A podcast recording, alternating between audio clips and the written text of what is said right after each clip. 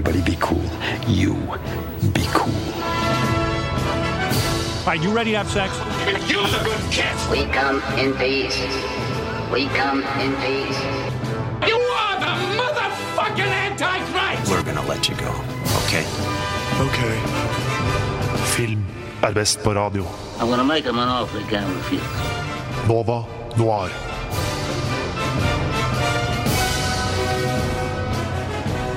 God morgen her fra Radio Nova. Nå er det tid for Nova Noir. Vi har en skikkelig kul sending planlagt i dag. Det blir ordentlig nostalgi her i studio. Det starta vi med allerede for en og en halv time siden. Mitt navn er Hanna Holm Aune. I studio med meg i dag har jeg Liv Ingrid Bakke. Og, Kim Sverre Hilton. ja, og den siste tiden har vi mimra vår, eller, over vår barndom. En liten trip Yes. down memory lane. Oh, Åh, en ja, Så koselig. koselig. Ja. Eh, Vi skal i dag snakke om eh, barne-TV. Det blir gøy. Eh, Vi skal snakke om serier vi så på, serier vi ikke så på, hvorfor vi ikke så på de, eh, og ja, litt eh, forskjellig. Vi kommer inn om det om en liten stund. Og Du hører på Nova Noir. Eh, og nå skal vi snakke litt om hva vi har sett siden sist, før vi går eh, ordentlig inn på barne-TV. Yes. Så Kim, hva har du sett siden sist? Jeg har sett på sesong fire, eller begynnelsen av sesong fire av Mr. Robot. Uh, det er en serie som jeg har snakka om tidligere på sending. Uh, kanskje til det kjedsommelige, men det er sånn, den er så bra. Det er en av de beste seriene jeg har sett i hele mitt liv. Veldig spesiell serie. Jeg tror ikke at alle sammen kommer til å like den, men sesong tre var i mine øyne damn near flawless. Liksom. Sånn, det er ingen episoder som er sånn dårligere enn åtte av ti, liksom. For når jeg har hørt deg snakke om denne tidligere, så sier du at dette her er en sånn serie som plukker seg opp. da. At, mm. ikke at den er dårlig på starten, men at eh, det blir mye mer engasjerende over sesongene. Det er en sånn type serie som setter opp veldig mye frampek og brikker som uh, gir mening seinere. sånn som type nå, for eksempel, så begynner vi å få en sånn twist som uh, mange på internettet eh, teoriserer om at liksom, det har vært frampekt siden sånn første episode allerede. Og det er bare sånn Åh, masse sånne småting når du ser det Det er sånn jeg elsker, Ja, egentlig. Kanskje jeg burde begynne å se den. Du, Du har jo snakka om den, men har Men det var lange episoder, var det ikke noe sånn? Ja, det er sånn mellom 40 minutter og en time, så er det liksom sånn okay, standard. det er så sånn. Ja, egentlig. Det Det er helt greit, men det, eh, du burde i hvert fall se første episode. For jeg tror at hvis Ja, du ja. ser første og kanskje andre episode, Ja, så skjønner du om du liker den eller ikke. ja, ikke sant. Jeg føler at Rami Malek har gått uh, Han gikk en er sånn litt sånn morsom ja. Han gikk en litt sånn morsom rute fra Mr. Robot til Freddie Mercury. Ja, han, Liksom? han fikk nesten uh, Jeg vet ikke, jeg føler han fikk den mekanisansen hans med Mr. Robot. Plutselig så bare blåste han opp i slutten av 30-årene sine. Han vant vel en Emmy for den rolla. Mm. Uh, Freddie Mercury, som du sagt, som han vant en Oscar for, gjorde han ikke det? Jo, jeg tror det. Og han er fenomenal i den serien. Det er masse bra karakterer, masse bra skuespillere, og den er så gjennomført og gjennomtenkt. Så Mr. Robot er uh, vel godt anbefalt. Vel godt anbefalt. I hvert fall, som sagt, første episode. Bare se første episode. Liv, hva har du sett siden sist?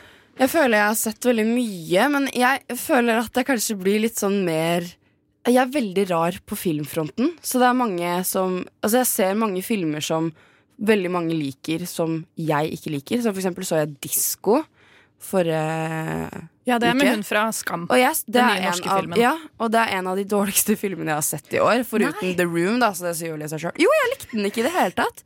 Men siden vi snakka om han Rami Malek, så har jeg også sett på Heyman Rhapsody, og den likte jeg jo, da.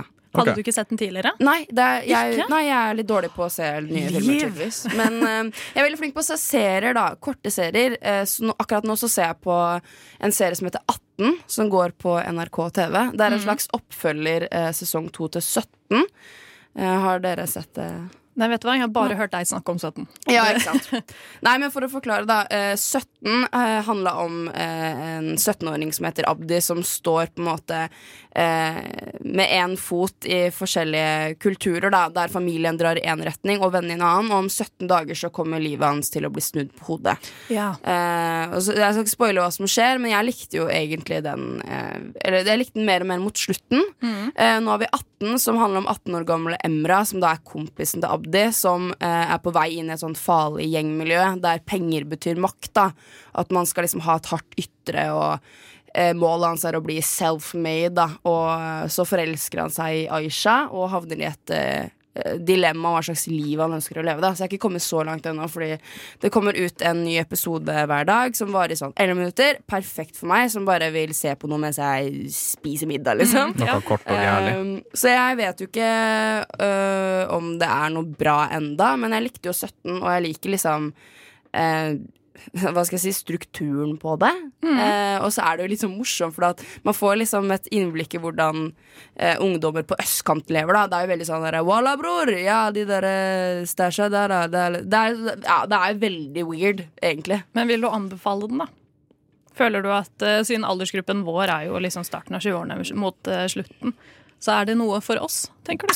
Ja, jeg syns jo det er litt Ja. gøy. Liksom, det er jo litt sånn derre Tenke litt tilbake på hvordan det var å gå på videregående, på en måte. Men eh, ja, hvis man liker litt sånn derre Det her er ikke barne-TV, akkurat. Da. Hvis du liker litt sånne derre ting som handler om liksom, drugs og ja, Ja. ungdomsliv. Det er jo veldig Det er eh, naturlig. ungdommer i en eh, vanskelig situasjon. Da. Ja. Så ja. Siden eh, sist så har jeg eh, eh, blitt veldig glad for sesong to av en serie som heter The Good Place. Har kommet på Netflix. Jeg begynte, å se det, jeg begynte også å se det forrige uke. Jeg har sett sånn én episode eller noe. da Ja, og dere som ikke vet det, The Good Place er en serie som handler om mennesker som har dødd, eh, og som har kommet til The Good Place. Fordi i denne situasjonen her så er det ikke et etterliv bestående av himmel og helvete. Det er a good place and there's a bad place. Og det er bare en veldig liten majoritet som havner i The Good Place. Og premisset av serien er at det er en jente som heter Eleanor Shellstrop, som har blitt satt i The Good Place med uhell. Og hvordan hun da må snike seg rundt uh, og bli oppdaget. Fordi hun har liksom hørt rykter om hvordan The Bad Place er, og vil jo aldeles ikke dit, da. Eh, så klarer hun jo å eh, reipe med seg andre mennesker i dette her. Nå må du ikke spoile for mye her, da. Nei, jeg skal ikke det. Men hun sier jo sånn i første episode Ja. at til hennes soulmate, da. Ja. Mm. Eh, For det får de jo utdelt. da Bare sånn By the way, I'm not supposed to be here. Og han bare hæ? um, men en utrolig god serie. Den er skikkelig spennende, eh, og den, eh, den anbefales masse. Ja, den hadde- holder seg helt til Det er liksom bra første sesong. Jeg syns det er veldig bra første sesong, og Ja. det jeg liker med denne serien her, er at den, er, den skal være fire sesonger langt. For det var der Ah, okay. eh, eller serieskaperne mente at Mm. det var der eh, det var der man måtte slutte det. Skulle serien gi mening, så var det der man måtte slutte det. Så det er veldig fint at de fikk lov da, Mm. til å avslutte den. Jeg har bare et spørsmål, fordi det er Kristen Bell, er ikke det som spiller? eh, Kristen Bell spiller Eleanor Shellstrop. kjent fra Veronica Mars og Gossip Girl. Har hun noe Ja, fortellerstemme i denne Hun har serien? ikke noen fortellerstemme, men uh, hun fortellerstemme? fortellerstemme, men hun har fortsatt en sånn bærende uh, personlighet. da. Så det blir, hun er skikkelig god i den. Ja, for det er jo en mann som har uh, en slags fortellerstemme, er det ikke det? Ja, Eller er det- var det det, ikke er, den- det er ikke noe fortellerstemme i Nei, okay, Jeg bare følte serien. at det var det i første Ja. episode, bare. Men ok, ja, ja. Men uh, da har vi jo en rekke anbefalinger. Det er ikke noe. Gossip Girl-fortellerstemme, Kim. Fungerer for meg. Det, det er ikke det. Men nå har vi jo en, uh, Ja. en rekke anbefalinger. Vi har uh, Rami Malek sin serie Mr. Robot. Vi har NRK-serien 17 og oppfølgeren 18. Ja. Og så har vi The Good Place. Nova Noir. Og da skal vi gå inn på vårt eh, hovedtema i dag, som er barne-TV. Um, og jeg tenkte at vi faktisk kunne starte med en liten samtale. Fordi eh, når vi var barn, og lineær-TV var eh, det som rådet, så var det ikke sånn at alle hadde de samme kanalene, og derfor var det ikke alle som så på de samme programmene. Nei. Ehm, jeg husker blant annet at eh, det var en gang hvor eh, Cartoon Network dukket opp hjemme hos meg. Mm. og da fikk jeg se Powerpuff Girls, noe jeg bare hadde sett hos vennene mine. Og jeg var sykt glad. Eh, og så etter en måned så forsvant det. Og da var jo helvete bruttløst, eh, bruttløst hjemme. For da satt jeg og grein, for jeg fant ikke Cartoon Network yeah. på listen. Og jeg fikk ikke sett Powerpuff Girls. Og det er bare det så smart. Sånn markedsgreie. Vanvittig ondskapsfull Ja, ja, uh, markedsstrategi, for du vet jo at de ungene kommer til å lage helvete med Ja. foreldrene for å holde det gående. Og det var liksom den tida hvor man på en måte dro hjem til folk etter skolen, følte jeg. De liksom for å se på hvordan enn eh, barnekanaler som du ikke hadde hjemme. Ja, men Når man først får liksom så mange nye kanaler da, som er relatert til deg som barn eh, Når du er vant til å ha I hvert fall med meg, da, som hadde liksom NRK og TV2. Det var det jeg hadde å forholde meg til. Og jeg fikk jo ikke Disney Channel eller uh, Toon Disney, da, som det het før, uh, før jeg gikk på ungdomsskolen, tror jeg. Ja, så jeg begynte ikke å sent. se liksom, Hanne Montana eller sånne ting før ungdomsskolen. Og jeg så på det helt til jeg gikk liksom, ut videregående. Skal jeg vi- være helt ærlig. Vi hadde jo mange kanaler. Vi hadde jo Disney Channel, og så var det Disney Channel XD. Ja, Så var det ja, men det var litt um, seinere igjen, da. Ja, det var litt seinere igjen. Ja. Og så kom det Så var det også sånn Disney for de yngste. Jeg husker ikke hva den het. Um. Nickelodeon var det jo. Cartoon Network. Fox uh, Kids. Fox, Fox Kids. ja. Fox Kids ble noe annet. Uh, Det ble til Jet, Jetix. Jetix. Jetix, Ja. mm. Uh, og det her var jo mange kanaler, og fordi man betalte for eh, kanalpakker, Mm. så ble jo dette dyrt å måtte ha alle. Ja. Og jeg husker at det var en sommer hvor pappa hadde bare gått ut, og han, eh, han hadde kjøpt en sånn pakke for sommeren. Men igjen, da, når høsten kom, så ble det jo et helvete. Fordi da hadde jeg jo blitt vant til å ha en sånn svær kanalliste, hvor jeg bare kunne velge og skrape. Um, all, nesten litt sånn pre-streaming, liksom. Ja, for det var da han skulle holde dere underholdt gjennom hele sommeren. Ja, helt sikkert. Ja.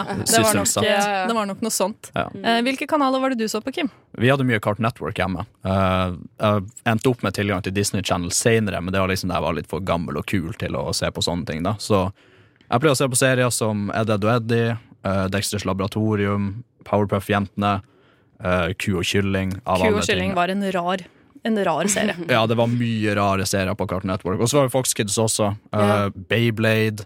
Det var litt sånn, litt sånn gutteserier iblant, Ja. jeg skal ikke lyge. Og så selvsagt NRK som barne-TV. da Mm, fordi det var jo noe alle hadde tilgang til, og der kom det jo av og til litt sånn programmer fra eh, barnekanalene mm. som ikke alle hadde tilgjengelig. Da. Så jeg husker at iCarly, da var jeg litt, litt eldre, da. Ja. men det dukka jo det på NRK. jeg var gøy, ja. Ja. Liv, hva var det du hadde? Nei, jeg så jo mest på TV 2, faktisk. Så måtte jeg sende melding til mamma og spørre sånn Du, hva var det jeg så på Når jeg var liten, liksom? For jeg husker ikke. Og hun eh, bare Du så på Teletubbies og Pokémon. Og det var akkurat det jeg antok selv. Og jeg, i hvert fall Pokémon skulle jeg se. Altså det, og det begynte så sinnssykt tidlig på morgenen. på, Ja. på søndager Sånn, ja, noe, klokka jeg. seks på morgenen. Og jeg måtte se Pokémon. Jeg var jo så stor fan av Pokémon. da Eh, Men så likte jeg også Jeg, tror, jeg lurer på om Dyrestien 64 gikk på Ja, NRK. det er den derre Ja. 61, 62, 62, 63 og 4.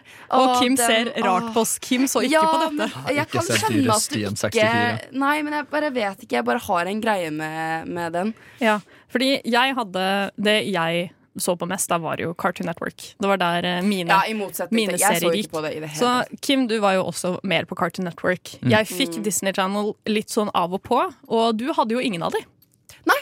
Men eh, når jeg fikk Disney Channel, så var det rett på Hannah Montana. Og eh, min favoritt var kanskje Den amerikanske dragen. Ah, Jake Long. Ja. Hey. Ja. Den, og det, men jeg likte, det var to versjoner. Det var når eh, Enten så var han som drage sånn sinnssykt tynn Ja. og litt sånn der rart tegna, eller så hadde han litt sånn bryst. Og det var det beste, så jeg ville jo ikke se på når han ikke var den dragen med Det var litt sånn rart forskjellig tegna. Jeg vet ikke hvorfor det var sånn. Om Jeg det var én sesong eller to sesong, eller hva det Jeg tror det som skjedde, var at eh, de bytta produksjonsselskap. Det, det var det veldig hende. mange som gjorde. Men, eh, og jeg så ikke på Cartoon Network, men jeg så på Totally Spice. Ja. Men jeg Ah. lurer på om det gikk på Jetix. Det Ja, var- Så det er det eneste det er utenom det. Eh, Vi skal eh, holde tråden litt her. Vi skal se hvordan dette her har påvirket oss eh, senere i sendingen. Hva vi ser, hva vi så på, og hvorfor vi så på det. Nova Noir gir deg filmnytt og anmeldelser. Torsdager fra 10 til 12. På Radio Nova.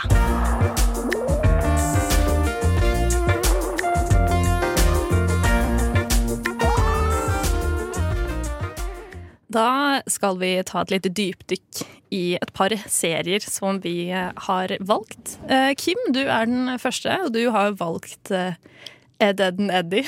Riktig.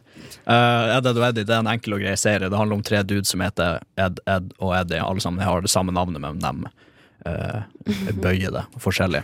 Uh, Premisset er ganske enkelt. De løper egentlig bare rundt omkring i nabolaget sitt og prøver å uh, få tak i penger til å kjøpe jawbreakere, som er de svære evighetskulene som hadde i Ja, stemmer. Mm. Uh, går noen ganger til ekstreme lengder for å gjøre det. Mange av episodene så prøver de egentlig bare å høsle uh, naboungene sine. Uh, vi har veldig mange morsomme karakterer der, blant annet uh, immigrantbondegutten uh, Rolf. Som Rolf? Rolf, ja, det var han med blått hår. Som i Ralph? Ja, Eddie Good. Nei, jeg vet, jeg, vet, jeg vet ikke hva han heter på engelsk. Ja, Det er kanskje- jeg bare Han er- Rolf? Ja, ok. Jeg tror det er sånn Ralph. Jeg husker ikke helt. Vi får i hvert fall høre han Rolf nå i et Ja, okay. klipp som kommer her. Hallo, plagsomme gutter! Hvorfor har Ed på seg bjelle som en ku?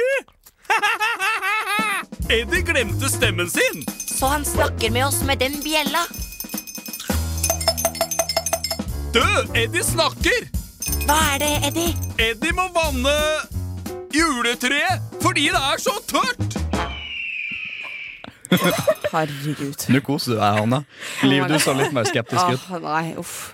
Jeg har liksom ikke jeg, da jeg var barn, så skjønte jeg liksom ikke helt hvorfor dette var morsomt. Dette var et av de programmene Når det kom på, så var jeg litt sånn Jeg så på det, om det ikke var noe annet. Ja, men jeg trykka meg videre. Ja, om jeg fant noe mer spesielt.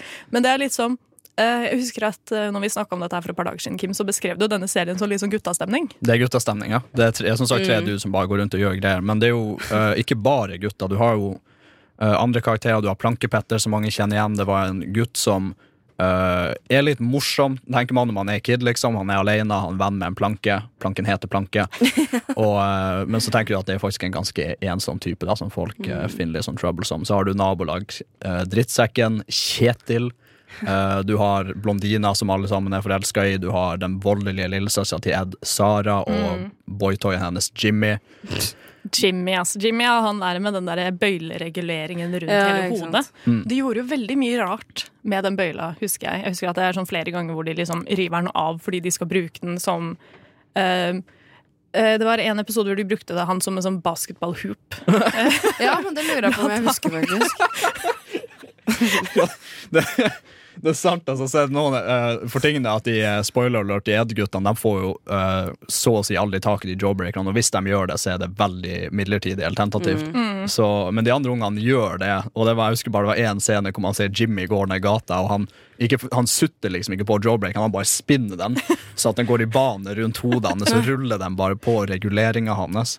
Eh, karakterene de, de ser litt rare ut. Liv Da, poengterte det, at de er, ut. det er nasty opplegg, ass. Ja, de er kjempestygge. krise. På samme måte som Katekai Bente Bent, så driver de og vibrerer sånn Ja, ja, det er sant. Men Ja. de er litt søtere igjen, da. De her er sånn der, Jeg ser jo for meg hvordan de ser ut i virkelig livet, liksom. Det er litt sånn, det Det er sånn helt- tegnestil. Og så er den, den ene er jo nå, jeg, jeg kan ikke forskjellen på dem, men han ene er jo eh, rød i trynet og hele kroppen. Ja, Liksom. han er han og tungene er sånn grønn og blå. Det er sånn herre på om det Hva er, er det fordi, skjedd de, her? fordi de har gomla på liksom disse ja. evighetskulene, så er det tungene som er farga av. Er det Eh, Ja. Men okay. jeg, jeg har et spørsmål til dere. Tror dere at dette her er en serie som hadde holdt opp i dag? Uh. Ikke for de nyere kids, holdt jeg på å si. Ok, Jeg Hvorfor tror- ikke? Tror du? Eller jo, det kan jo godt hende, da, men jeg bare føler at det er i veldig nostalgisk for våres del. Fordi Det, ja. mitt eh, Min tanke om denne serien her er jo at eh, hvis den hadde blitt sendt i dag, så hadde den fått mer problemer fra foreldre. Eh, ja, fordi eh, dette her er en serie som viser eh, ganske sterk mobbing mot enkelte karakterer. Som når man som barn bare ha, lol! Som for eksempel at man bruker da Jimmy som, en basket, Ja, som et basketballstativ, Ja. liksom. ja, den er ganske drøy. Og det er mye, mye vold i den. Uh, jeg tror grunnen til at Jeg tror den er litt sånn tidløs, fordi det er det er en tegneserie. Eh, han som lagde serien, eh, Danny Antonucci, heter han. Eh, han har bestemt seg for at eh, vi skal lage en serie som ikke ser ut som en typisk Cartoon Network-serie. Og han hadde jo bakgrunn som en adult cartoonist. Ja. Om det betyr at du lagde tegneserier for voksne, eller om du lagde pornotegneserier, det vet jeg ikke. Eh, La oss eh, håpe at det ikke var det siste.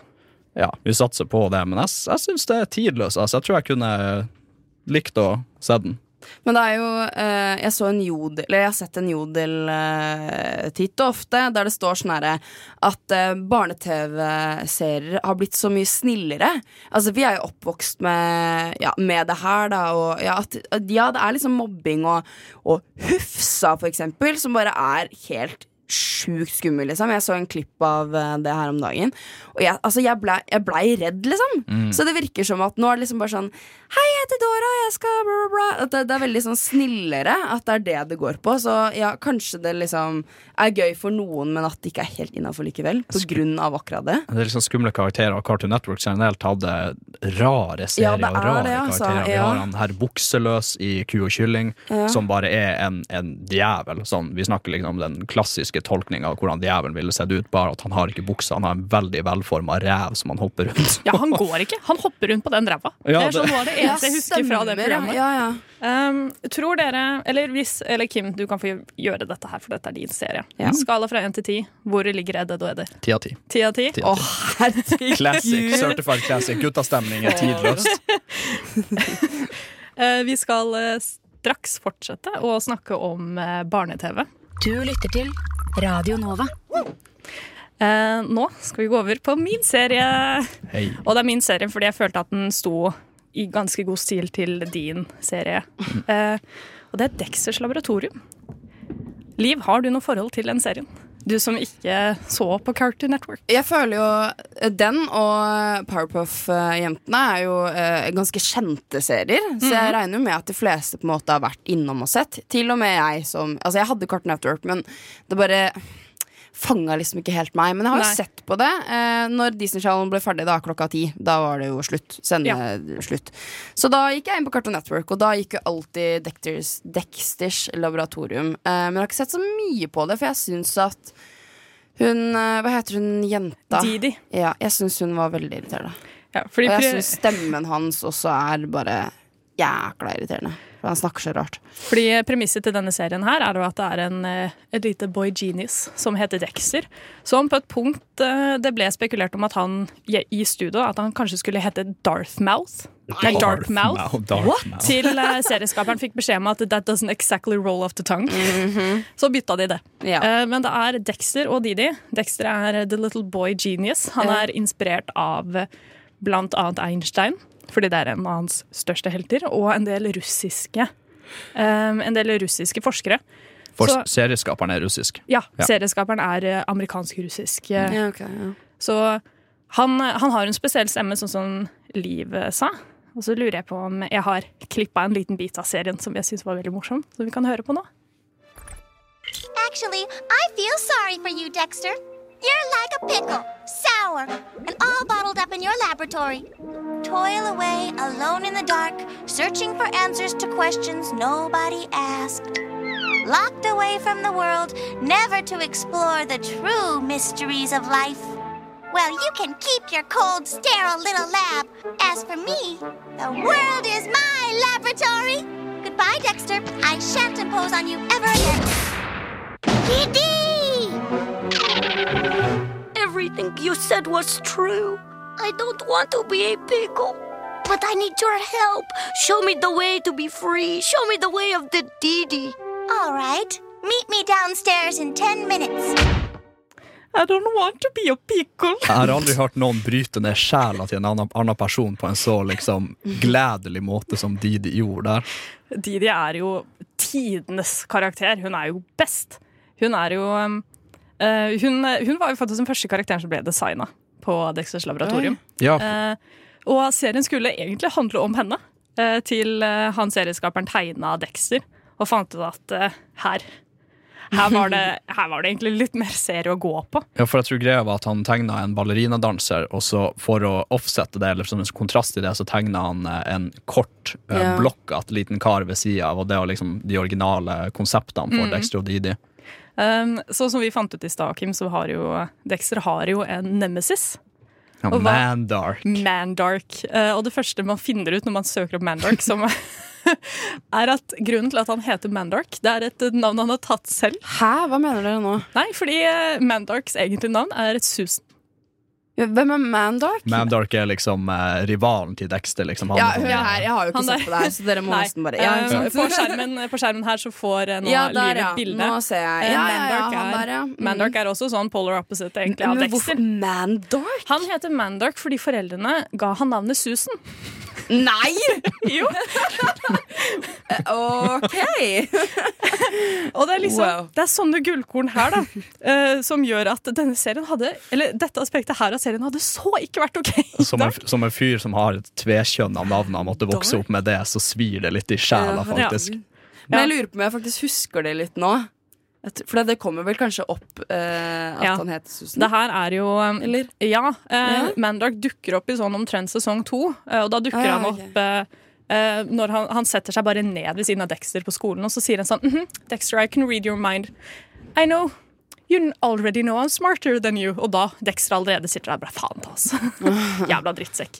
Så de blir jo um, de blir, Hæ, hva i alle okay, dager? um, Nå har teknikeren funnet opp et veldig rart bilde av Ma Mandark sin lillesøster, kanskje? Jeg vet ikke. Ja. Samme sveis. Lalavava? Lalavava. Olga? Ja. Olga. Ja, ikke sant. Um, men tenker dere at denne serien her hadde vært OK i dag? Sånn generelt. Fordi den har liksom noen aspekter som er veldig 90-talls, som for eksempel Susan. Mm. Um, men resten er jo liksom bare han som kødder rundt. Jeg vet ikke om det er noe i Dexter som er veldig lite innafor.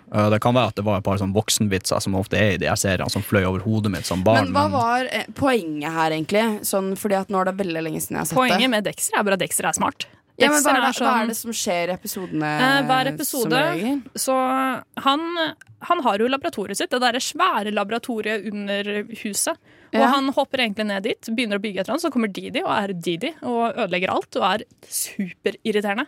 Men det er ikke sånn som i liksom, type Finnis og Ferb, at de skal lage Ok, det var et dårlig eksempel, eh, for så vidt, men sånn eh, ja, Eller Kim Passable og han der onde fyren der. Nei, altså- man skal lage noe, og så blir det ødelagt. Nei, altså det det, nei. det meste som blir ødelagt, er jo de gangene hvor eh, Dexter og Mandark eh, krasjer skikkelig og begynner å slåss, da. Ja, ja. Eh, Men eh, Så han har ikke noe mål Nei, han skal, han skal, finne, han skal finne på ting. Da. Det er en Ah, ja. episode hvor han Uh, hvor han våkner opp, og så sier han sånn 'This will be a great day for science'. Og så, og så bygger han en high five-maskin, og så legger han seg, og så skriver Ja, okay, han 'This ja, indeed ja. was a great day for science'. Det er sånn jeg ikke husker, merker jeg. Men ok, fresh mind. Uh, nei, altså det her er jo en supermorsom serie. Uh, Eh, det som er veldig fint med denne her, var at jeg husker jo at mamma og pappa så jo også på den. For den varte jo Det er jo en serie som bare varer i sånn åtte minutter maks. Mm. Uh, så veldig sånn lett, lett, liksom. Jeg har også hadde Jeg har barndomsminner at jeg pleide å se på den greia, og de eneste gangene fatter'n ville se på liksom, sånn barneserier med meg, var når Dexter var på, fordi han syntes at Dexter var så jævlig tulla type.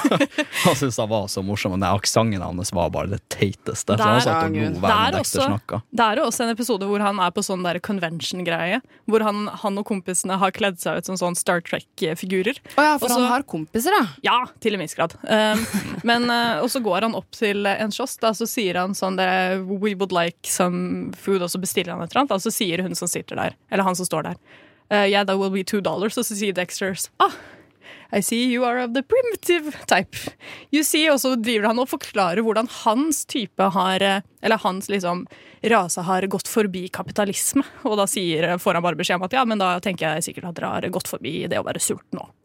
Og så bare blir han forlatt der. Det er Samme episode hvor folk klikker på han for å ta en uh, collectors dukke ut av eska, fordi da ødelegger du samleverdien til den. Det er ikke lov. Apropos kapitalisme. Ja, ikke sant. Um, nå tenker jeg at vi setter strek der. Eh, og etter dette her så skal vi få en anmeldelse. Hei, dette er Trond Espen Seim, og du lytter til Nova Noir. Eh, nå har vi fått besøk i studio av Julie. Hei, hei. Og Julie, du har sett en veldig eh, temariktig film denne uka. Ja, jeg har jo det. Jeg har nemlig sett Operasjon Mumie. Og det handler om de to detektivene Oliver og Tiril som skal løse et mysterium på utstillingen til museet i byen.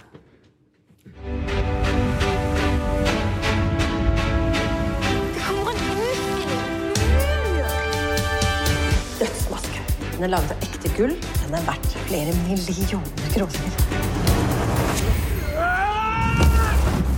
Går det bra? Det her er Mummenshatten. Noen ville at man skulle falle. Har vi myse? Det ser sånn ut. Tiril og Oliver, byens unge mesterdetektiver. Mesterdetektiver? Operasjon Mummi. Så det er altså Operasjon Mummi satt i den fiktive byen Elvestad på Sørlandet et sted. Eh, og når det er sagt, det er ikke det er ikke begge hovedrollene som klarer å være like overbevisende sørlandsk. Så Nei. iblant så glipper det litt for lille Oliver, stakkars. Men de er ti år. Jeg føler de kan få litt eh, slack. Det er kanskje vanskelig å spille i en stor spillefilm og eh, endre dialekten sin helt oppå det. Kan, kan jeg liksom. Det kan jeg lage òg. Men det er jo basert på en serie bøker skrevet av Jørn Lier Horst. Dette er da bok to, og altså da film eh, to.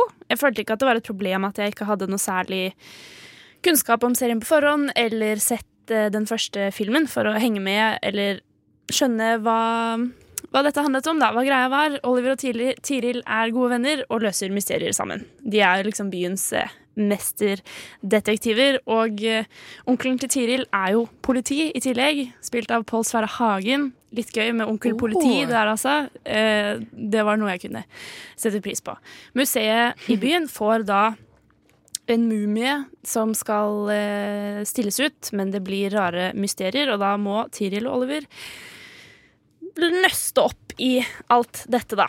Eh, og det er, det er det man får, egentlig. Det er veldig rett frem. Det er en Ja. barnefilm. Jeg syns det er litt rart av meg eh, å, eller å stå her og tenke på eh, hvor engasjerende det var, og handlingen, og hvordan plottet utvikler seg, og det blir Se på det med voksenbriller. Et voksen eh, filmkritikerbriller blir liksom ikke helt riktig. Hadde jeg vært seks år, hadde jeg kanskje syntes den var veldig morsom, men jeg må innrømme at som 25 syns jeg den var gørr kjedelig. og det er ikke det at jeg eh, ikke liker barnefilm. Jeg syns barnefilm kan være kjempefett, men jeg er redd for at alle foreldre som kommer til å ta med barna sine på denne filmen, her kommer til å kjede seg i hjel. For det er så rett frem og veldig, lagt opp veldig pedagogisk for at barna skal få med seg sporene som blir sluppet frem og tilbake liksom her og der, og de skal få med seg hvem som er skurken, eh, ganske eh, Skjønne det litt fra starten, og det skal være veldig lagt opp, da.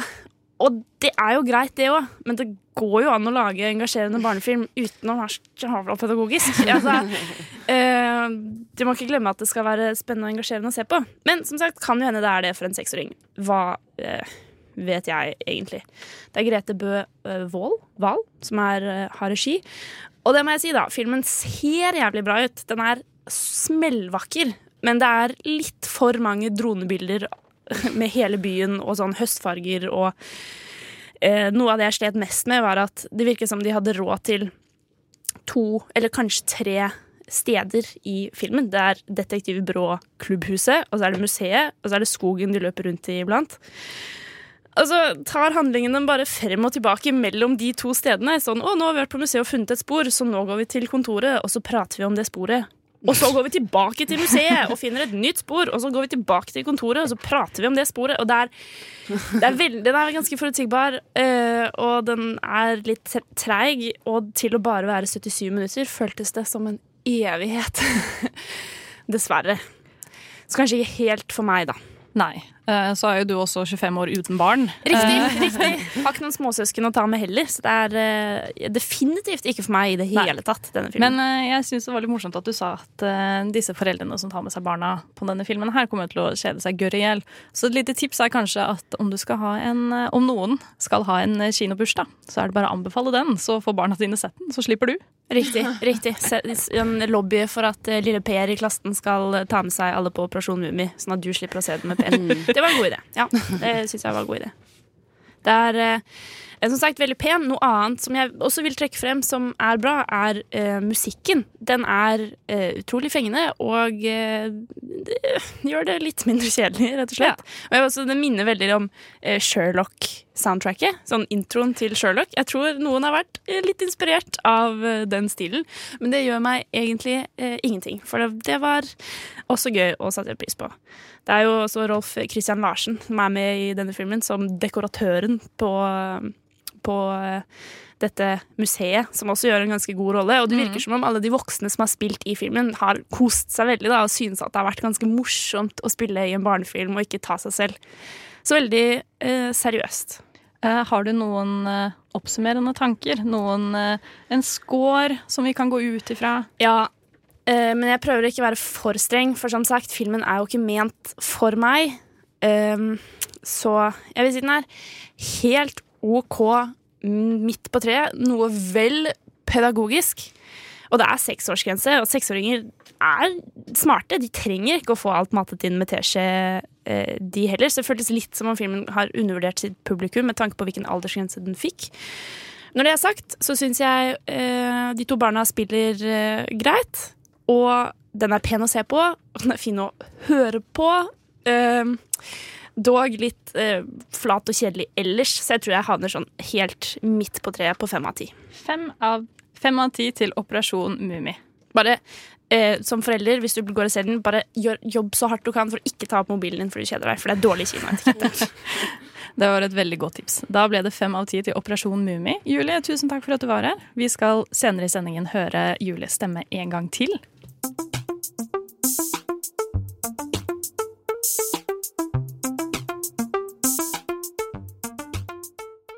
Da eh, tenker jeg at eh, Liv, du skal få ta styringa. Ja. Vi snakker jo fortsatt om barne-TV. Eh, Men vi går litt ut fra Korte Network nå, for nå skal jeg snakke om en ordentlig norsk eh, serie som har eh, gått på NRK Barne-TV, som det så fint het eh, før. Eh, nå heter det jo NRK Super, nemlig Uhu! Som jeg egentlig håper at eh, dere der hjemme husker eh, relativt godt. Eh, den gikk fra 2001 til 2003. Eh, da var jeg i overgang fra barnehage til barneskole, så det passa egentlig perfekt for meg. Eh, Uhu handlet eh, om eh, spøkelser som hadde mista eh, evnen til å spøke. Eh, så i hver episode så går spøkelsesalarmen eh, som uler, og betyr at et nytt spøkelse eh, kommer da til huset. Og da er det spøkelsessjefen Pjolter som har Eller Polt Pjolter, jeg tror det er Pjolter, som har i oppgave å ta godt imot de da. Og da får de et oppdrag eh, fra et orakel. Eh, som eh, er veldig sur og sinna og har litt dårlig tid og sånn hele tiden. Eh, der de venter et sted kalt Hermetika, eh, som bugner av utvalg eh, hermetikk om de klarer oppdraget. Og om de ikke klarer oppdraget, så ender de i eh, Slampamperøynene som er et ganske kjedelig og kaldt sted med ganske lite utvalg av hermetikk. Fordi spøkelsene lever jo nemlig på hermetikk, som bare har to smaker, nemlig stek eller napoleonskake. Altså disse, disse ehm, st Altså, det er jo himmel og helvete, det her. Ja, det er de det. lever jo i A en good slags place and a sånn- bad place, ja. De lever jo i en sånn Å, hva er det det heter? Sånn skjærskill Limbo. Ja, limbo. Da ble vi limbo. Ja. Det er jo veldig sånn hel norsk serie, føler jeg også. For Ja. sånn, de, de spiser hermetikk, det er det beste de vet. Ja, og og så spiser de det ikke. De tar det liksom på i, gjennom magen. og Så, nam, nam. de har sånne briller som de kan se inn til hermetika med. Ja, det er to skiver servelat som de bruker Ja, for å se eh, hvordan de begge stedene ser ut. da Det jeg har problem med denne Jeg har så problem med å huske hva som skjedde Ja, men det var for akkurat hver det gang i denne Ja. serien. Eh, før sending så måtte jeg faktisk ringe mamma og Ja. spørre Du, hva i alle dager som skjedde i, Mm. eh, i denne serien. Og hun sa at nei. Uh, når eh, denne tiden med sånn bjella hadde kommet, og det kom et nytt spøkelse, så sovna mamma. Eh, så jeg har ingen anelse hva som skjedde i dette showet her. Den eneste sånn oppkvikken jeg fikk, var uh, når eh, jeg fikk høre introen, og når jeg Mm. så et sånn lite klipp fra Spellemann for Ja. mange år siden. Da fikk jeg en liten sånn Å ja! Det var jo disse karakterene. Det husker jeg jo. Ja, for at eh, det, serien ligger jo dessverre ikke noe ute noe sted, i hvert fall som vi finner. Uh, men jeg har funnet den vignettintroen, da, Uh, vi, eh, i litt, sånn litt mindre god kvalitet, som vi kan høre på for å få litt sånn throwback.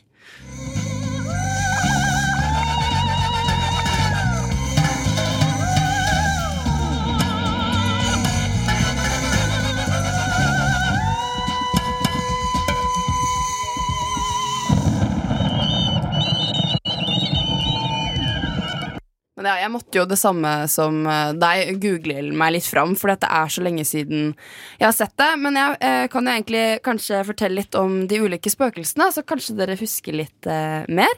Eh, vi har jo da som nevnt Pjolter, eh, som eh, spilles av Rune Hekkelstrand, som er da spøkelsessjefen. Eh, Ja, først og fremst, eh, Alle spøkelsene her har ett oppdrag, da, så jeg kommer til å si hva slags oppdrag de har. Så Pjoltershit er jo da å tømme huset for spøkelser. Altså at de skal klare oppdraget, da. Så har vi Napoleon, eh, som er eh, bakespøkelse, eh, spilt av Åsmund Huser. Eh, og hans oppgave er å lage verdens beste sjokoladekake. Men det blir alltid napoleonskake, da, uansett hvor mye han baker.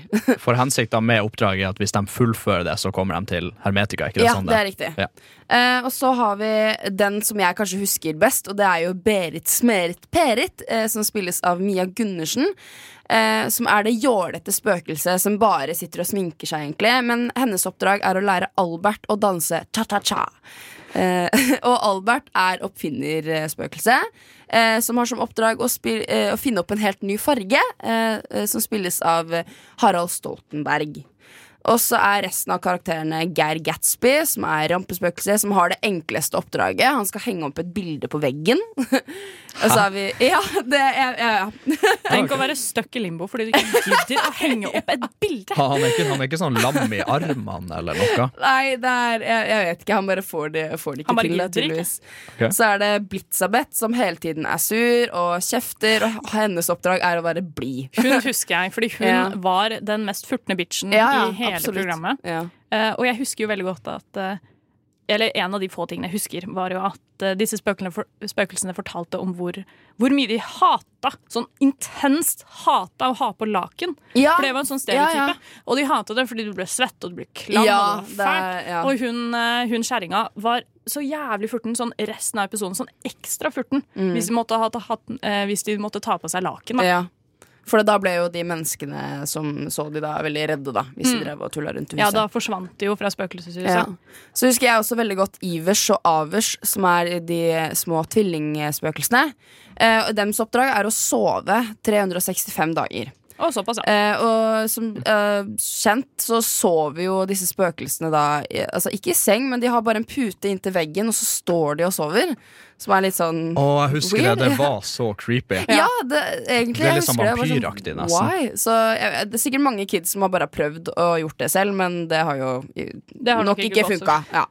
Og så er det aller siste Eller det finnes flere, men den siste som jeg vil nevne, er Delphia, som er eh, datteren til Blitzabeth og Napoleon. Eh, som Hun er født spøkelse. Og hun har derfor ikke noe oppdrag. Så hun er den eneste som da ikke har noe oppdrag. Men hun er Det- veldig rampete og finner på veldig mye rart. da Har du noe eh, på en måte, Hva er det du liker med den serien der?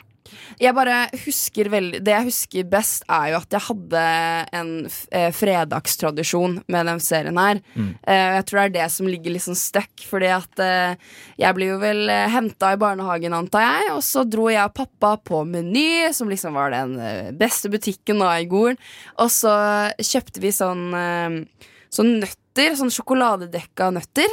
Og så dro vi hjem, og så satte vi på Uhu, som gikk klokka seks eller sju på fredagen. Og så var det liksom hver eneste fredag så var det det som skulle skje.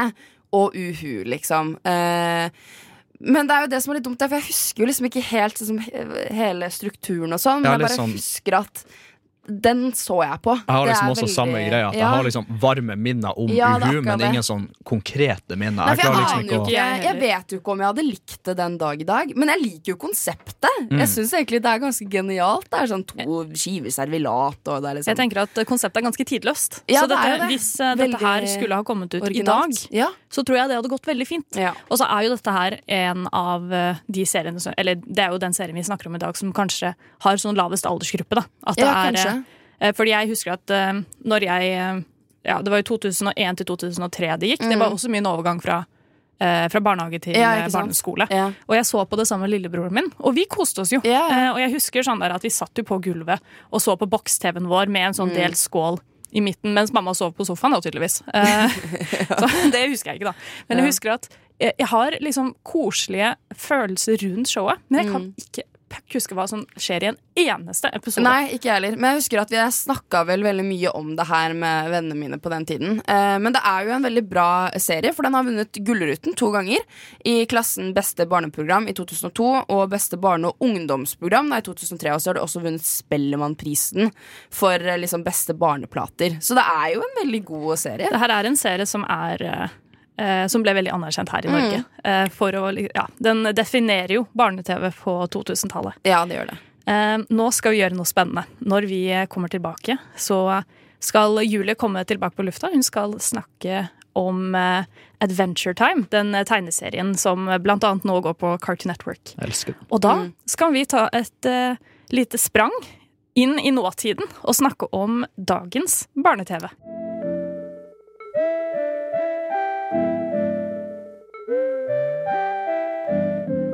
For snart ti år siden ble den første episoden av Adventure Time sendt på Cartoon Network. Siden har serien vært med på å definere dette tiårets animasjonsserier. Hvis du ikke vet hva den handler om, kan serien oppsummeres slik. Menneskegutten Finn og hunden Jake drar på ville eventyr. Det virker ganske enkelt og rett frem, egentlig, men Adventure Time leverer så utrolig mye mer enn det man kan se på overflaten.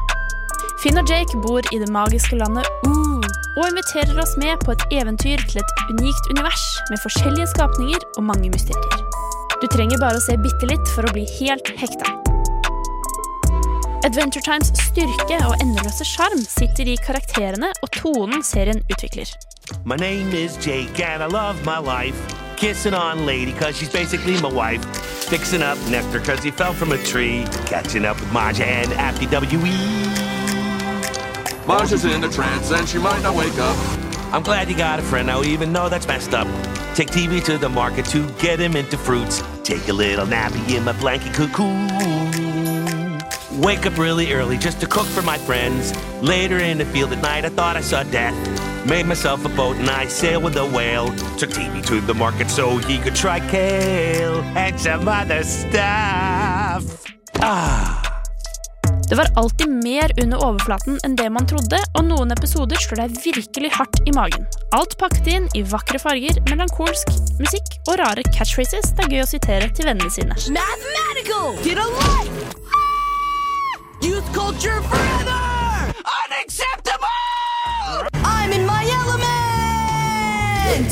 Skaper Pendleton Ward liker også å blande sjangere og ga oss et helt univers som han gradvis utdyper med små hint og pek gjennom de ti sesongene. Etter hvert som man følger med, får man lære mer om bakgrunnen og opphavet til mange av seriens tilsynelatende rarere tilskudd. Hvorfor er det ingen andre mennesker enn Finn? Hvor gammel er egentlig Princess Bubblegum? Hva er greia med Ice King? This is just so crazy. If you can honestly look into your heart and tell me you want me to leave, I'll go. Okay, leave. Wow, d- did you look in your heart? Like all around it? Yes. I see. Then obviously you have got some heavy emotion stirring in you, and you have said some very rash things. Og hvorfor er Magic Man så utrolig douchebag? Why'd you do that? Because this day, a magical life lesson comes to you. No, change me back! Not until you appreciate what a jerk I am. Wazoo! Svar kommer sporadisk og plutselig, og man vet aldri om man får en episode som forklarer law, eller noe helt tilfeldig tullball. Hello? Finn?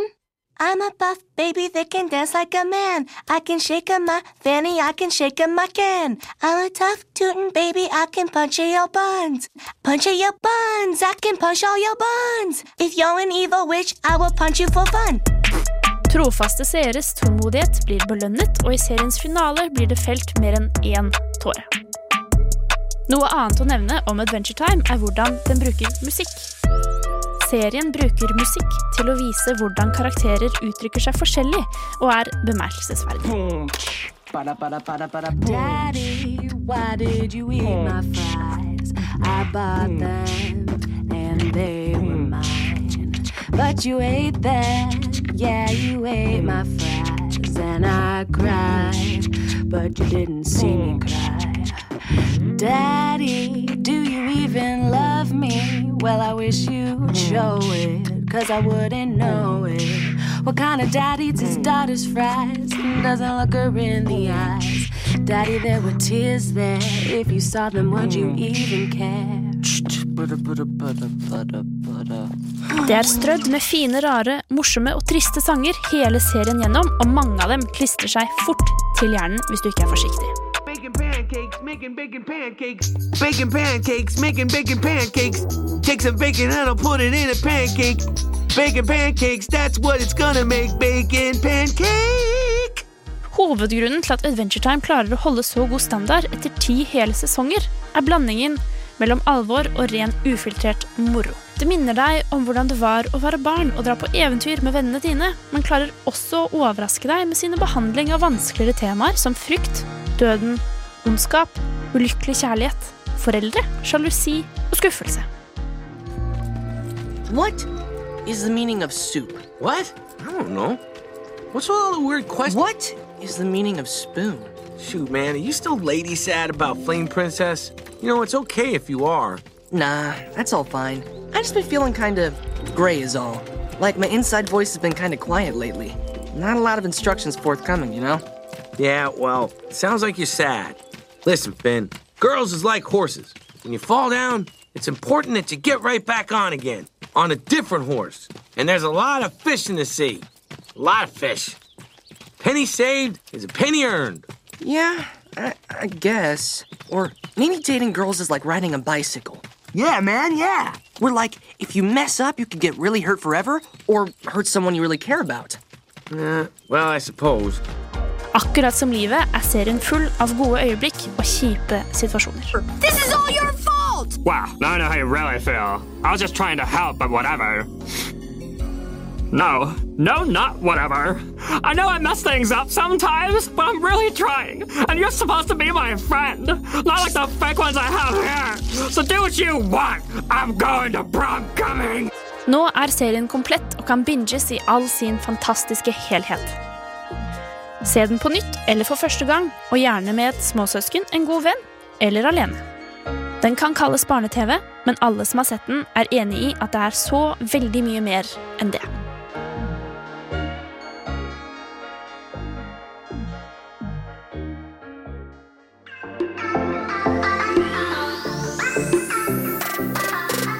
Du lytter til Nova Noir her på Radio Nova.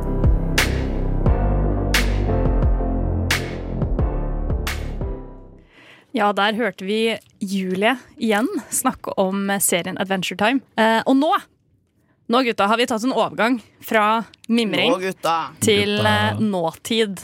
Eh, vi har ikke bare sett serier, barneserier fra når vi var små, vi har også sett barne-TV fra nå. Eh, hvordan de ser ut i dag. Fordi jeg har jobba tre år på SFO og har sett mye rar barne-TV. Og det slo meg liksom veldig hardt at um, når voksne sier at vår barne-TV var rar, så hadde de den samme følelsen som jeg satt med når jeg satt og så på hva barna som jeg jobba med, så på. Um, så vi, vi har jo sett på veldig Vi har sett på mye. Vi har sett på uh, en ny versjon av Alvin og gjengen, blant annet. Eh, vi har sett på noe som heter Grizzly og Lemen. Det digga Kim. Jeg elsker den. Jeg så flere episoder av den i går, og det var faktisk helt Nei! jeg, jeg nekta å se mer på det. Jeg viste en episode, så var jeg sånn, nå går vi videre. Fordi det, det har jeg sett nok av. Eh, men eh, vi tenkte å ta litt den samtalen om er egentlig barne-TV blitt noe verre. Eh, for det er jo konsensusen på nettet at sånn, «Å, barne-TV i dag suger jo. Det er veldig lett å havne i den fella at alt var bedre før. Ja. Ja, spesielt oss. Spesielt oss. ja, men det er jo fordi at vi er jo vant til, eh, til det gode gamle da. ikke sant? Ja, det var, det var en litt underlig Men, eh, greie å prøve å litt For å spille litt på det Julie sa i anmeldelsen. Det er litt rart å eh, prøve å liksom bedømme en barne-TV-serie Ja, gjennom voksne sine øyne. Og litt, litt det jeg sa, at det virker som at de er litt blitt litt mer sånn uskyldige, de seriene som er nå, Mm. føler jeg. Det som jeg syns er litt morsomt, da, er at animasjonsstilen på disse seriene har endra seg veldig fra når vi var barn til nå. Eh, 2D-animasjon var jo det som regjerte når vi var barn, og regjerte jo veldig lenge. Det var jo sånn Tom og Jerry er jo 2D-animert, eller tegna 2D-animert. Eh, eh, Spiderman som jeg så på, var det. Eh, det liksom Alle rekkene med serier var jo det. Ja. Vi hadde et par unntak som Jimmy Neutron. Som var en sånn, ja, herregud, ja. var en sånn 3D-animasjon, men det er jo den animasjonen i dag som regjerer. Ja, det er Eh, sant. Mm. Blant annet da, i Alvin og Grizzly og Lemmen. Så har man en sånn eh, ja, Hva kan man beskrive det som? En sånn veldig eh, rund, Ja, eh, litt sånn flat animasjon. Plastelina-figur, Ja, liksom. litt sånn Ja, litt sånn dokker, nesten. Ja. Og jeg synes helt ærlig at det ser eh, litt ekkelt ut. Det var en av de tingene jeg syns var uh, veldig bra med Grisi og Lemmen, var at man legger merke til hvis man ser nøye etter, men effektene var påtegna. Så hele serien er, har den der 3D plastelina-animasjonen, men hvis noen eksempel tar fyr, så ser man veldig tydelig at det er sånn håndtegna flammer Ja, bare det oppå sant, det. Mm. Ja. Så de har på en måte blanda, blanda the, the best of both worlds. Eh, De fleste vet jo hva Alvin og gjengen er. Det er jo disse eh, tre jordekornene som eh, synger. Eh, men Kim, kan du beskrive Grizzly og Lemen? For de som ikke har sett det. Det er litt sånn Tom og Jerry-kopi, egentlig. Det er Grissi som er en uh, grizzlybjørn som av en eller annen grunn bor i en hytte. Han har visstnok okkupert den fra en skogvokter i Canada. Uh, og han bor egentlig der og bare prøver å passe sine egne sysaker. Prøver å sjekke opp den kvinnelige grizzlybjørnen som bor nede i gata og uh, spiser og koser seg. Men så er det en haug med lemen som bare konstant prøver å spise maten hans og bare lage, lage helvete med han. Så i kjent Tom og Jerry-stil så er det veldig sånn katt og mus-jakt, hvor han hele tida er nødt å jakte etter dem, og de bare hele tida liksom bare er i spacen hans og gjør livet hans surt. Uh, og så blir det jo mye vold, da. De blir påkjørt av tog. Uh, de sklir nedover bakker på uh, steikeplata og brenner føttene sine. Kjempemorsomt. Veldig høy intensitet i den serien. Problemet jeg har med dette showet, og som jeg har sett eh, i to år eh, i strekk på min gamle jobb, er at jeg føler at disse episodene aldri tar slutt. Eh, og det er kanskje veldig sånn voksenperspektiv av meg å si, men ehm, det virker som at serieskaperne ikke nøyer seg med fem minutter. De må liksom strekke den til ti. Ehm, fordi eh, de første fem minuttene synes jeg som regel er ganske solide. Eh, men når det virker som at det er på vei på veiens ende, liksom, så kommer det en ny karakter, eller det kommer en eh, ny situasjon som føler litt sånn dyttet på dem. Eh, men eh, jeg fikk jo sterk uenighet fra Kim når jeg sa det. Nei, for- når jeg jeg- syntes at den var for lang, da. Jeg er for så vidt enig i det. Ikke at den er for lang, men jeg syns det blir litt mye, kanskje. Fordi du, du bygger opp spenning, og i stedet for å noen gang bare slippe av spenninga, så bare Mm. går det hele tida. Sånn, serien er på ti kopper kaffe, 20 bokser med Red Bull hele tida, liksom. så det skjer bare én fucka ting etter den andre, etter den andre, etter den andre, helt til episoden er over. Ja, for at jeg føler liksom at det gjelder egentlig alle andre serier òg. At de har blitt mye lenger. For jeg er jo eh, vant til sånn Disney Channel der det er 20 minutters episoder, da. mm. Og så er det jo NRK og TV2 som ja, også har sånn 20 minutter. Pokémon og sånn var jo 20 minutter Ja. cirka. Eller så er det sånn Streken som var fem, eh, fem minutter. Men, men eh, det er jo sikkert en grunn til det, da. Er det bare sånn Er det for å liksom bare ha litt lenger? Slipper man å lage flere episoder? Er det noe med penger å gjøre? Er det fordi at barna liker å se på episoder som er lenger? Hva tror dere? Jeg kan si at Grizzly og Lemen er jo en storslager hos barn. Jeg har aldri, sånn, Klasserommet var så urolig, og barna lå over pultene sine og lo. Eh, så liksom gjennom hele episoden. Så for dem eh, som er barn, så gikk jo ikke denne spenningen over til at det ble for mye, eller at det ble kjedelig. Det var konstant gøy. Jeg tror, jeg tror den bare er sånn eh, nesten perfekt komprimert, høyt tempo, eh, masse underholdning og masse morsomme ting som unger liker Ja, å se. for dem, ja. Bare liksom dose så mye av det inn i et barneserieformat på sånn 10-11 minutter som de kan. Så når Mm. den kommer på, så får unger liksom sånn kick, liksom. og Ja, så er det litt wow. vanskeligere å sone ut også. For det er jo det som er eh, ganske lett hvis det er reklamer og sånn eh, hvert femte minutt, liksom. At det er liksom bedre å ha Mm. Bare få litt mer konsentrasjon, da. Det her er jo Det her er jo en kanadisk Nei, en fransk serie Mm. er den. Eh, den ligger på NRK Super, hvis noen har lyst til å ta en liten kikk på den. Det gjør også et par episoder av Alvin og gjengen. Mm. vi skal holde tråden. Vi skal fortsette å snakke om ny barne, eh, nye barne-TV-serier.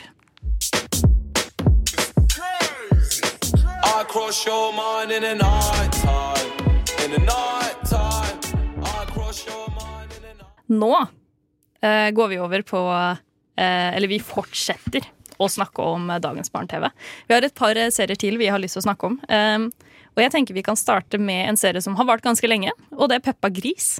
Peppa Gris, ja. Eh, fordi jeg sendte dere et klipp i går som egentlig bare viser at Peppa Gris har jo en sånn, selv for voksne, sånn comedic value. Ja, for det her er jo en Mm. serie som er for de yngste. De yngste Ja. Det her er for de absolutt yngste. Mm. Og det klippet jeg sendte dere, er om eh, Der Peppa Gris skal prøve å lære seg å plystre. Så får hun det ikke til. Så ringer hun venninna si og spør sånn Hei, kan du plystre? Så sier venninna nei, jeg kan jo ikke det, da. Så blir jo Peppa litt, litt glad, fordi da er ikke hun den eneste. Og så spør venninna hva er det egentlig, hva er plystring egentlig? og så sier Peppa nei, du tar leppene dine sammen, og så blåser du. Og så sier venninna like this. og så får hun til å plystre. Og Peppa bare legger på. Lurt. det var sånn perfekt sånn. Og så litt sånn eh, resting bitch-face. Uh, bare sånn fuck you. Det, der, det, det her er en serie som uh, Jeg husker at den yngste broren min Han var litt for gammel for det, men det var jo på TV når jeg var litt yngre òg. Og det blir jo fortsatt Mm. produsert.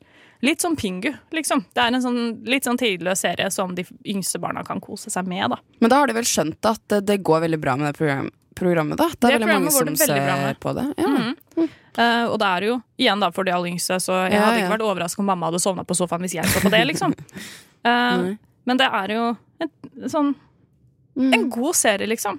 Eh, og en annen god serie som jeg vet at du er veldig glad i, Liv, det er jo Zombie-Lars. Ja, den begynte jeg å se på for ikke så lenge siden, faktisk. Uh, Den faller i smak hos meg, som er liksom snart 23. Så, eller jeg blir litt trøtt på det, men jeg synes i starten så var det bare sånn åh, jeg kunne ønske det her var en idé som jeg på en måte uh, kom opp med. Ja, har du lyst til å fortelle hva Zombie-Lars handler om? Ja, det handler om uh, Lars, som er en 11 år gammel gutt som er halvt zombie, eller halvt levende, altså levende ulevende, som uh, flytter med moren sin, som er uh, alenemor, til Bekkebakken. Eh, et sted hvor eh, fremmede som han ikke er velkommen. Eh, så i aller første episode så ser man jo at han liksom bare hopper ut av vinduet, og det går fint, for han kan jo ikke dø, så han bare skader seg, og folk syns jo det her er dritekkelt, og bare hva er det som skjer? Og mor er sånn 'det går fint, han er eh, levende ulevende'. Og så røyser han seg og knekker. og Ja, ja. bare sånn, øh, men øh, rektoren, da, øh, er jo kanskje den som syns han er minst velkommen, da. Og alle andre i klassen skal jo drive og drepe han da, hver dag. Så det er egentlig det som er øh, på, på en måte poenget. Og så finner han seg venner som også er øh, litt sånn som han, da. Som, Litt annerledes. ja, for det finnes jo også ninja og troll, blant annet. Så For dette her er jo Det er jo en eh, serie eh, det er NRK som har produsert den. Det er med Mm. ekte mennesker. eh, En live action-serie, som det heter. ja. Eh, og det er jo en Det er jo en sosial kommentar på eh, annet innvandring. Og, em, og at folk skal føle seg velkommen i landet vårt. Da. Ja, og at mobbing men og sånn ikke er greit. satt veldig på spissen. Ja. Det som Jeg fikk helt sjokk første gang jeg så denne Mm. serien, fordi um, det var et barn som jeg jobba med, som hadde lyst til å se på den. Og så så vi første episode.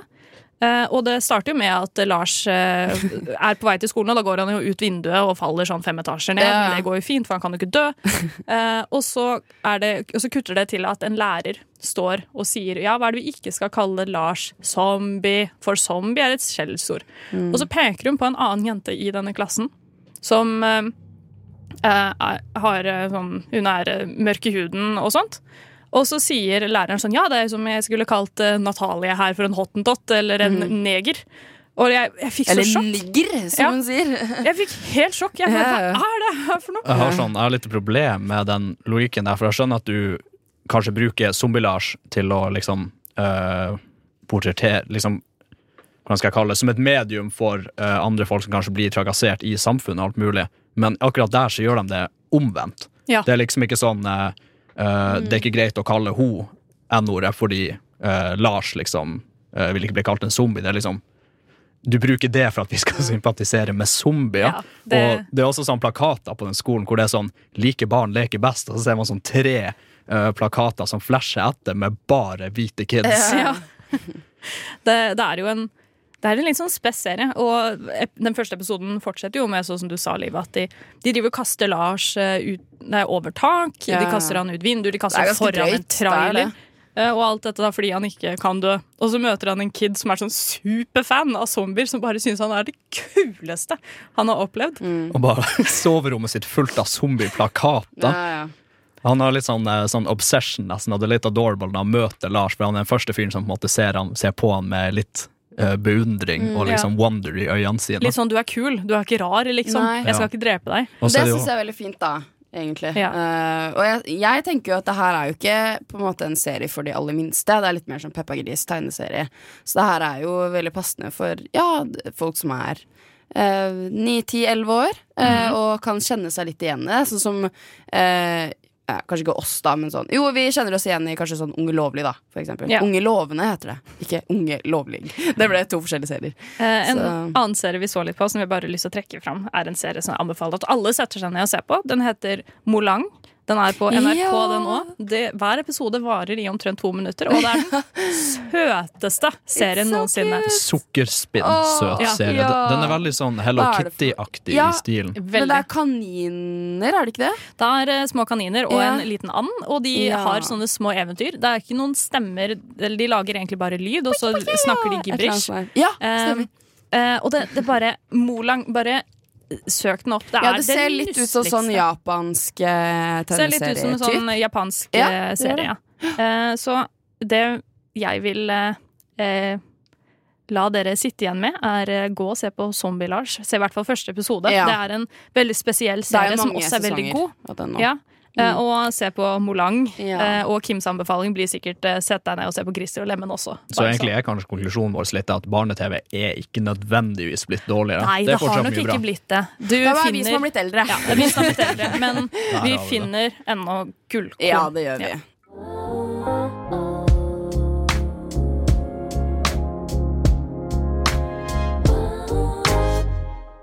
Nå skal vi ha en ny anmeldelse, fordi Liv har jo også vært på kino. Jeg har også vært på kino. Eh, jeg har sett Kanskje litt relevant for de litt eh, eldre kidsa. eh, for jeg har sett Maleficent, Mistress of Evil. Oppfølgeren til Maleficent fra 2014 tar oss med tilbake til heilandet der Aurora regjerer som dronning. Prins Philip frir, og et bryllup skal skje, noe Maleficent er svært ufornøyd med. I motsetning til Philips foreldre kong John og dronning Ingrid av Alsted. Og en krig mellom menneskene og feene ser man ikke langt etter. Five years ago, I thought I lost you forever. There is no curse that could ever tear me away from you. Will you marry me? Yes. Philip asked me to marry him. No. I wasn't really asking. Nor was I. Love doesn't always end well, Beastie. Trust me. Let us prove you wrong. There is no union. There will be no wedding. Filmen er eh, regissert av norske Joakim Rønning, faktisk, som er veldig kult. Eh, og vi får et nytt og helspekket eventyr med Angelina Jolie, Elle Fanning og Michelle Pfeiffer, eh, som spiller de største rollene som Maleficent, Aurora og Ingrid. Eh, og jeg kan jo starte med at eh, filmen har sånn cirka alt jeg ønsker i en slik film. Eh, jeg er veldig glad i filmer som har spenning fra start. Det er også eventyrlig. Det er helt fantastisk nydelig filmmusikk av James Newton Howard, og det er humor. Eh, jeg hadde også frysninger på noen punkt, og jeg til og med følte noen tårer og ble litt sånn lei meg. Og litt sinna også, for så vidt. Så med andre ord så følte jeg veldig mye. Eh, og jeg er jo veldig glad i sånne filmer generelt. Jeg likte jo eneren veldig godt. Eh, men det jeg merker mest, er at jeg er ganske trøtt på nye filmer som basically handler om en maktsyk person som skal ødelegge for hovedpersonen, og så vet man at det snur seg til slutt, og så vet man på en måte hva det er. Eh, så jeg satt veldig mye i starten og tenkte at det kom til å være veldig forutsigbart da, og det var derfor sånn ja, bitte litt eh, Ja, hva skal jeg si kjedelig, da, med mangel på mer passende ord midt i filmen, cirka. Eh, men så syns jeg at Rønning har tenkt mye på å holde en sånn fin eh, tråd og ta opp igjen sånn som du snakka om i stad, når jeg sa at jeg elsker Altså Kim, eh, når jeg elsker at det er liksom ting som blir plukket opp litt, og så bare Å ja, det var det det var. Mm. Det er veldig mye av det, så publikum får svar på veldig mye som jeg elsker, så det tok seg veldig opp. Eh, og da blir det liksom ikke så forutsigbart likevel, plutselig. Eh, for jeg syns det var veldig gode twister på ting, eh, så det var veldig eh, fint og smart gjort, da. Eh, Jeg lurer litt på hun som karakter, fordi hun var jo skurken i uh, Tornerose-filmene, de gamle Disney-filmene. Ja. Og jeg mener å huske at da var hun egentlig bare sånn straight up en sånn ond uh, drittkjerring. Ja. Er hun litt mer nyansert denne gangen? Eh, både i eneren og i toeren så ser man jo at hun er ond, men innerst inne så har hun jo Hun er jo egentlig snill, men har liksom eh, Kjærlighet har på en måte ødelagt henne, så hun er jo ond, men hun har jo eh, blitt en gudmor for Aurora, så hun viser veldig mye kjærlighet der, så man ser liksom begge deler, men hun er jo helt imot det bryllupet, og da blir hun eh, så sinna og ond da, at man får veldig den throwbacken der, kan man si. Nå kom eh, den første Maleficent-filmen ut for veldig lenge siden, Ja. så jeg spoiler den. Eh, hele konseptet går egentlig ut på at eh, Maleficent eh, har blitt ødelagt av kjærlighet, sånn som Ja. Liv sa. Blitt lurt eh, av en eh, mann som hun var veldig forelska i, Mm. eh, og vil da holde Aurora unna av alt av kjærlighet. Så det at eh, hun er veldig imot at Aurora skal gifte seg denne filmen, er Mm. veldig sånn character on point. Ja, det er det. Så de viderefører det. Det Mm. virker som at de viderefører det ganske godt. Men det er det som er at man tror hele tiden For man får veldig inntrykk Nå skal ikke jeg spoile noe, man får veldig inntrykk om at Maleficent er den onde. Men man finner veldig kjapt ut at det er Ingrid som eh, er Hun vet eh, litt sånn i hemmelighet at Aurora egentlig er dronning. Så at det er jo hun som skal ordne det bryllupet, og at de skal gifte seg. Så eh, det snur seg litt. Det er liksom twist. Eh, og man får også kommet inn i en slags ny verden som Maleficent passer enda mer til. Eh, som også er en veldig fin vri, for da det gir liksom noe Altså litt mer brød å tygge på, da. Eh, og jeg var ikke så for, uh, begeistra for han prins Philip, egentlig, som spilles av Harris Dickinson i starten, fordi det er en ny skuespiller. Eh, for i den første filmen så spilles eh, prins Philip av Brenton Twaits, som eh, i mine øyne er eh, verdens fineste gutt. Men eh, han tok seg ganske opp, så jeg ble veldig glad i karakterene etter hvert. Eh, men den aller beste karakteren er eh, eh, Ravn Dywall, eh, som spilles av Sam Riley, som er liksom eksepsjonell som eh, det jeg kaller Maleficents eh, høyre, høyre hånd. Eh, jeg elsker han. Han er så utrolig morsom. Han har liksom så gode puns og gullkorn hele tiden. Og han og Maleficent har liksom ertete forhold. Eh, For de som har sett eneren også, så eh, gir jo det mye mening. Men det er liksom enda mer nå. Jeg bare Altså, jeg lo masse på grunn av han. Eh, og jeg lo også veldig mye av de rare vesenene da, som finnes blant de eh, feene. Og det er jo så mye rart der som også er veldig søte, da. Um, og så helt til slutt, så eh, For det blir jo en krig, eh, kan jo spoile såpass. Eh, og jeg sitter alltid litt sånn derre Game of Thrones-karakterer dør. Eh, så jeg sitter og tenker sånn Det må dø noen. Hvis ikke, altså Sorry to say, men hvis det ikke dør noen, så er det ikke noe bra. Eh, en sentral karakter må dø. Jeg skal ikke spoile noe som helst, men det er jo veldig sant. Jeg vet ikke helt hva dere tenker om det. Jeg tenker at eh, Det gir jo en seriøsitet Ja. til disse filmene som de kanskje har mangla før. da At de tør å ofre noen. Ja, fordi at eh, jeg endte jo opp med å gråte. Og jeg syns en bra film er hvis jeg kjenner på eh, ikke bare latter og spenning, men at jeg faktisk også gråter. Og jeg ble ganske trist flere ganger og måtte liksom sånn Satt og bare sånn Nei, nei, jeg gråt, gråter ikke. For det er litt sånn flaut. Men ja, jeg syns det funka veldig bra. Så jeg fikk liksom både tårer, latter, spenning eh, og eventyr. Eh, men hvis jeg skulle fullført den brødskiva med litt mer spennende pålegg, så måtte det vært litt mer sånn hjerte i halsen, da, som kommer av at det, det var litt sånn forutsigbart i starten, selv om det på en måte reddes litt. Men eh, alt i alt så syns jeg at folk må ja, komme seg på kino. Eh, både de i 20-årene og eldre, og de med eldre kidsa, sånn i motsetning til Operasjon Mummi, så kan eh, foreldrene ta med seg eh, ungene som er eldre enn ni år, på den filmen her, syns jeg, da. Hvilken eh, score har du gitt eh, filmen?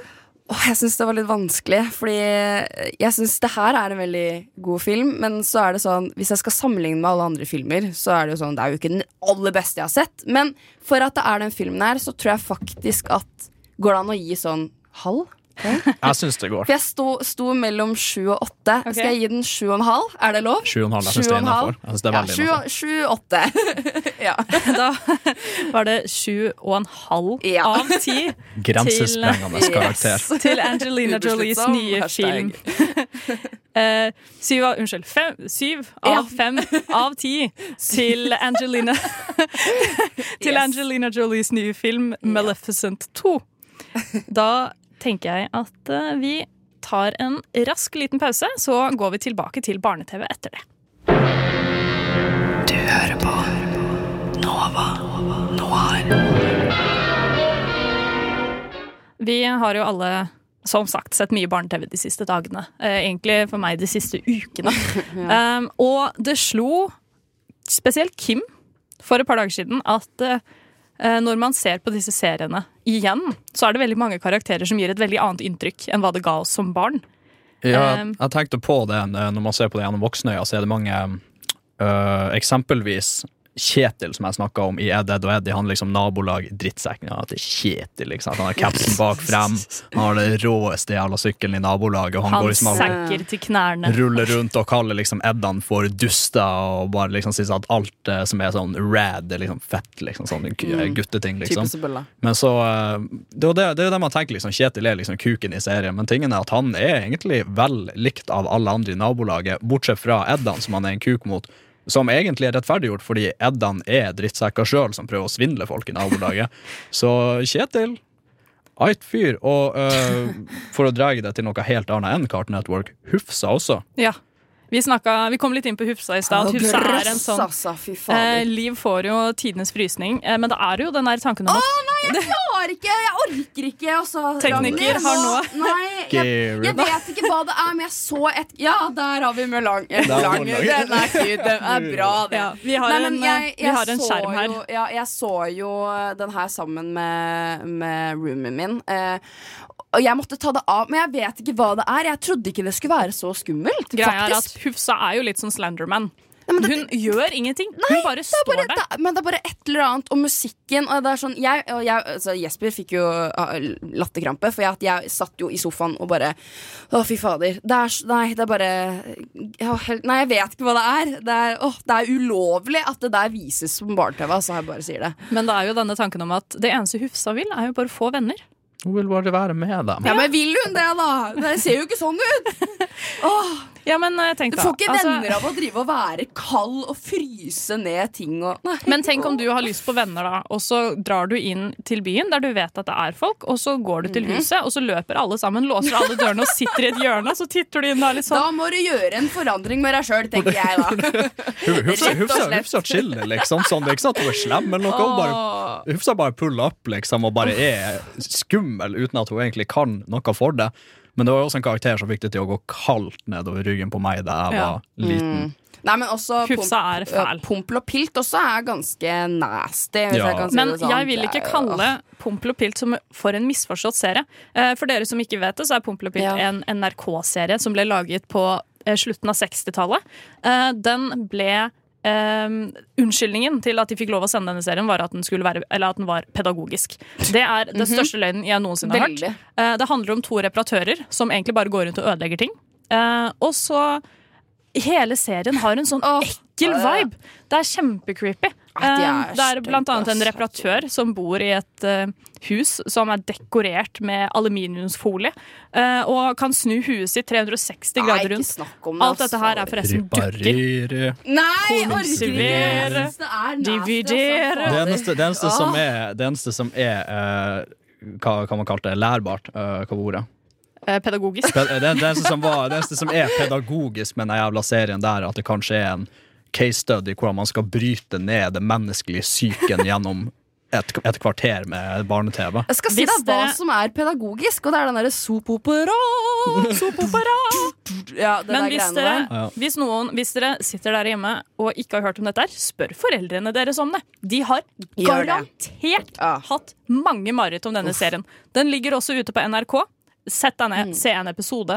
Uh, vær eh, forstyrret en stund. Det som, Eh, det som slår meg veldig med Pompel og Pilt også, er at uh, det er mange barneserier prøver å holde en lett tone og ha mange farger og alt mulig.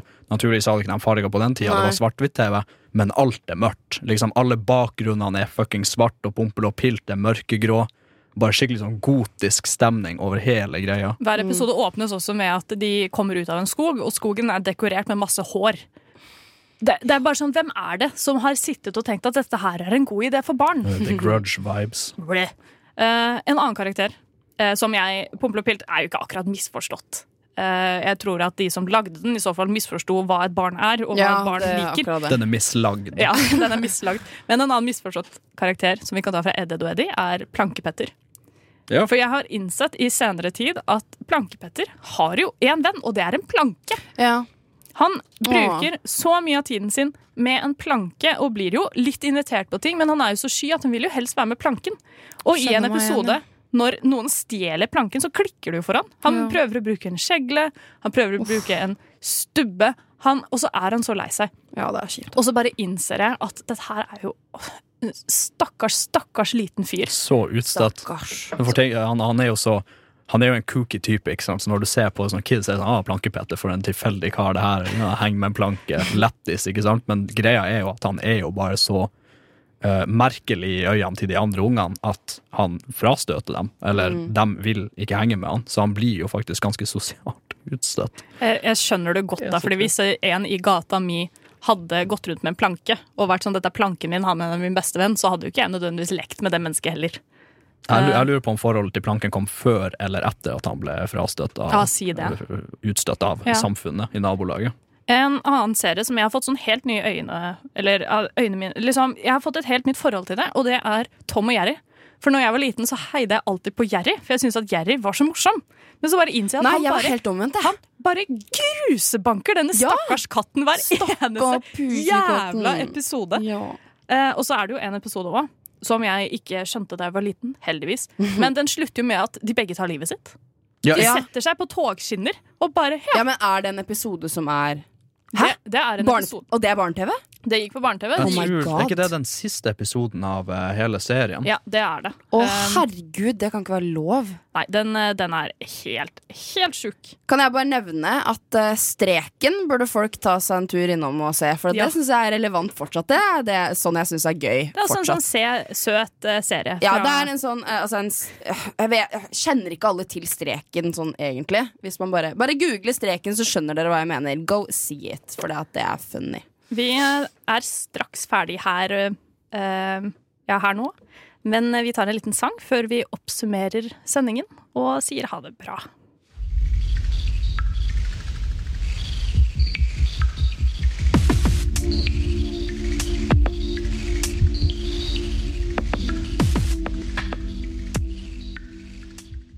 Nå er vi kommet til veis ende. Dessverre. I dag har vi snakket om barne-TV. Vi har mimret om Edded og Eddie, Dexters Laboratorium og Uhu. Eh, snakket litt om hvorfor vi så på de seriene vi så på. Og så har vi også tatt et lite dykk inn i dagens barne-TV. Eh, som egentlig var min favorittdel, fordi jeg følte at jeg åpnet deres øyne Mm. til en ny verden av TV. Der kom, eh, der kom erfaringa di. Ja. Og masse sånne sånn throwback. Bare sånn, Å ja, herregud, det er sant, den finnes. Vi, vi håper at dere har hatt det like koselig som det vi har hatt. Men eh, vi må dessverre takke for oss denne gangen. Eh, før vi gjør det, så minner vi om at Operasjon Mummi fikk en fem av ti av Julie. Og Maleficent fikk en 7,5 av 10 av Liv. Så der har du ukens eh, kinoanbefalinger. Um, ja, det har vært oss. Mitt navn er Hanna Holm Aune. I studio med meg i dag har jeg hatt Kim Sverre Hilton. og Liv Ingrid Bakke. Bak spakene har vi hatt den alltid fantastiske Ragnhild Bjørlykke. Da gjenstår det egentlig bare å si ha det, og vi håper at du hører på neste uke også. Ha det bra. Ha det!